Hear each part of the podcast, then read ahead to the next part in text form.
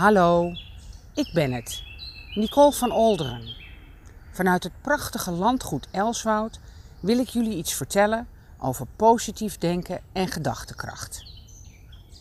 Gedachtekracht is een stuk gereedschap wat we hebben meegekregen, net als onze ademhaling. Het doet gewoon zijn werk. Gedachtes kun je wel, net als je ademhaling, beïnvloeden.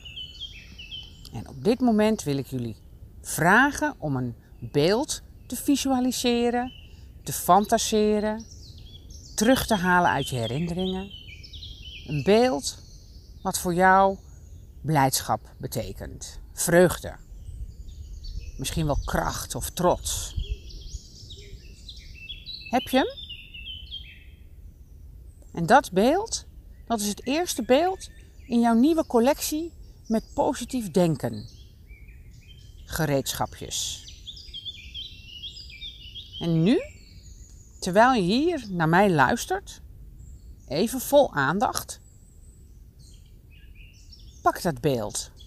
Haal het tevoorschijn uit je geschiedenisbak. Uit je bak met herinneringen.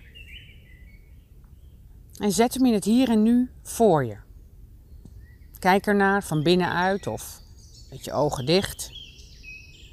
En voel met je voeten op de grond wat het met je doet. Dat beeld, dat plaatje, dat maakt je rustiger, blijer, meer verbonden met jezelf, wie je bent.